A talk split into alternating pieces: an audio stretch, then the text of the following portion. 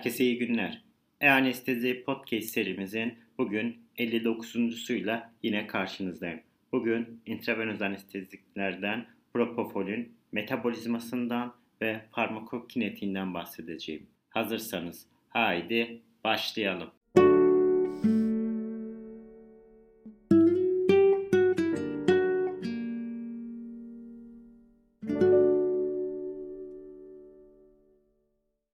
Herkese iyi günler. E-Anestezi Podcast serimizin 59.suyla yine karşınızdayım. Bugün intravenöz anestezik maddelerden propofolün metabolizmasından ve farmakokinetiğinden bahsedeceğim.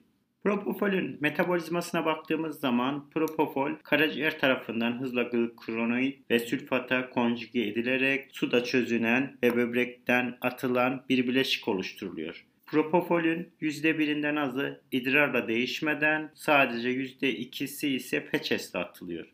Propofol metabolitlerin aktif olmadığı düşünülmektedir. Propofolün klirensinin hepatik kan akımından fazla olması nedeniyle karaciğer dışı metabolizma ya da böbrek dışı eliminasyon olduğu da öne sürülmüştür. Karaciğer metabolizmanın varlığı karaciğer transplantasyonunun yapılan olgularının anhepatik döneminde saptanmıştır. Bunların dışında akciğerlerin bu karaciğer dışı metabolizmadaki rolü de önemli görülmektedir.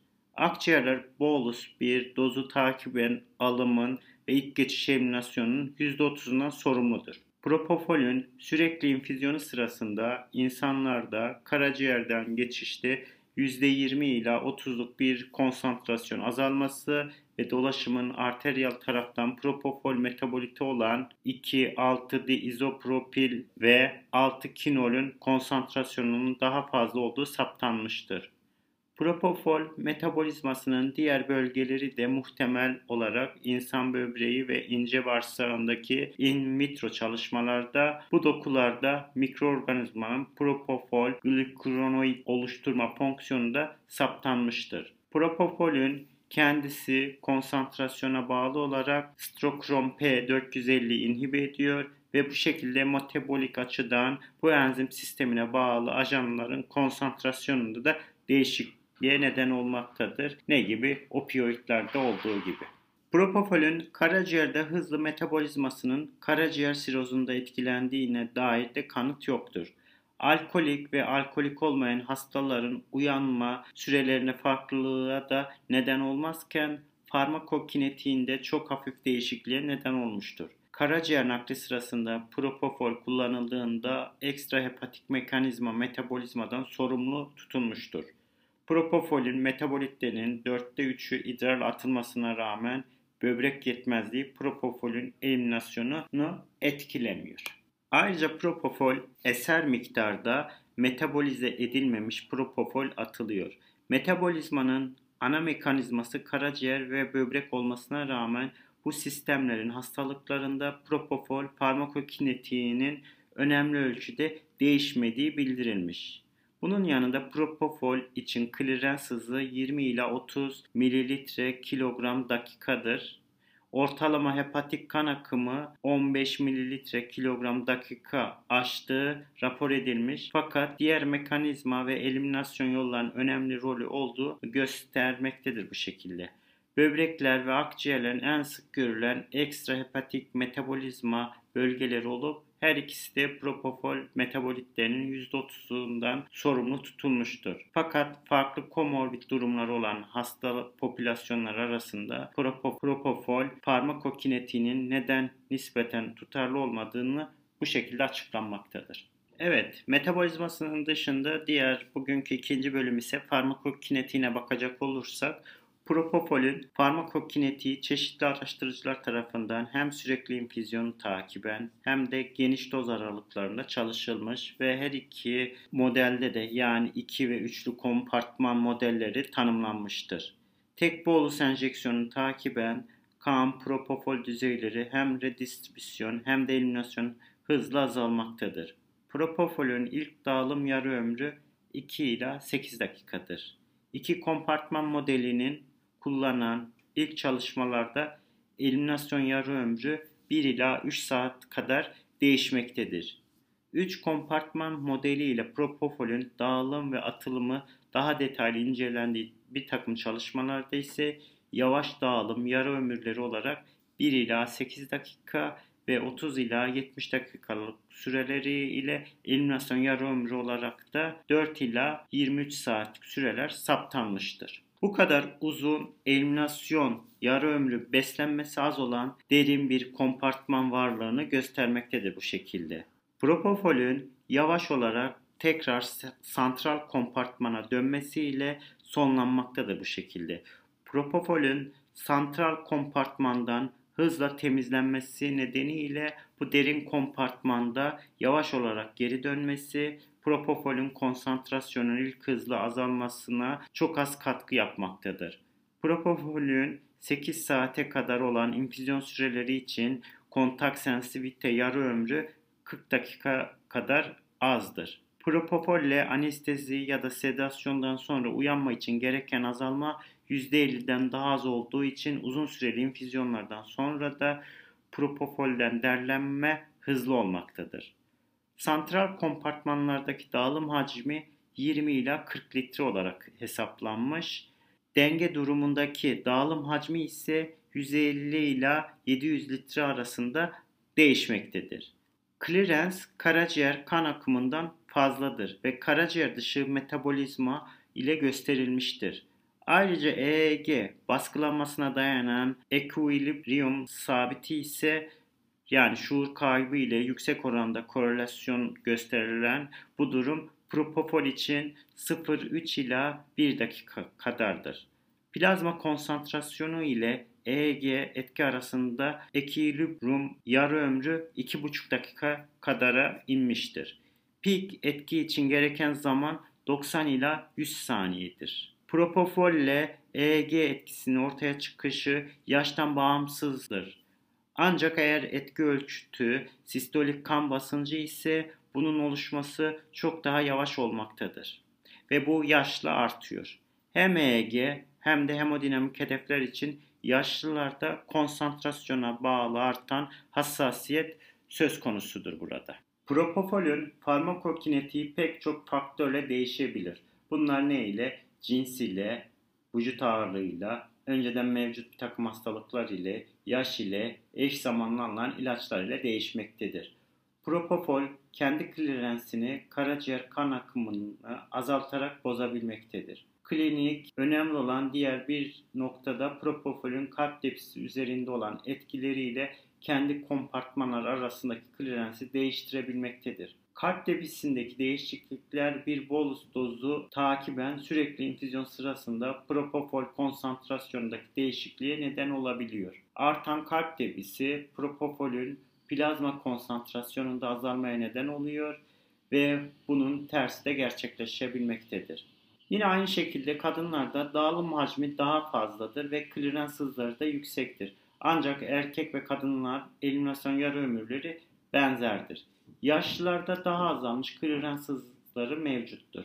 Fakat santral kompartman hacmi de azdır. Buna bağlı olarak koroner arter hastalığı olan bypass cerrahisi uygulanan hastalarda diğer erişkin hasta popülasyonundan farklı farmakokinetik parametreler mevcuttur. Eğer hasta bypass pompasına girdiğinde santral hacimde oluşan artış ve başlangıçtaki clearance aynı plazma propofol konsantrasyonu sağlamak için daha yüksek infüzyon hızları gerektiği bulunmuştur. Bunun yanında çocuklarda santral kompartman hacmi daha fazladır ve clearance daha hızlı olmaktadır. 3 yaşından büyük çocuklarda hacim ve clearance'in ağırlığa göre ayarlanması gerekmektedir.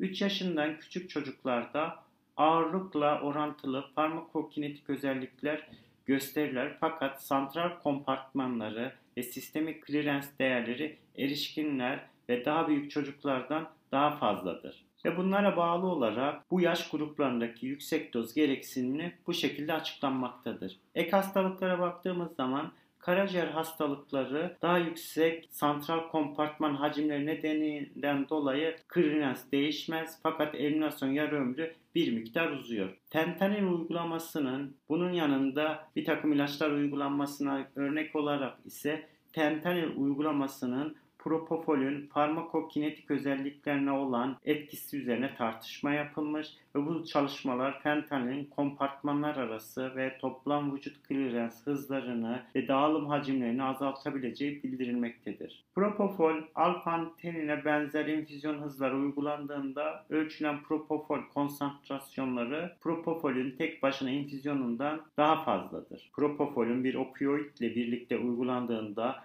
farmakokinetiğindeki bu değişiklikler kedilerde yapılan propofol pulmoner alımının propofol fentanilden hemen sonra uygulandığında %30 azaldığı fakat 3 dakika sonra uygulandığında azalmadığı belirlenmiştir. Ayrıca insan hepatositlerindeki çalışmalar propofolün hem sufentanil hem de alfentenin enzimatik degradasyonu doza bağlı olarak inhib ettiğini gösterilmiştir. Bunun yanında propofol kinetiği böbrek hastalığında da değişmemektedir. Propofolün eliminasyon yarı ömrü 0,5 ila 1,5 saattir.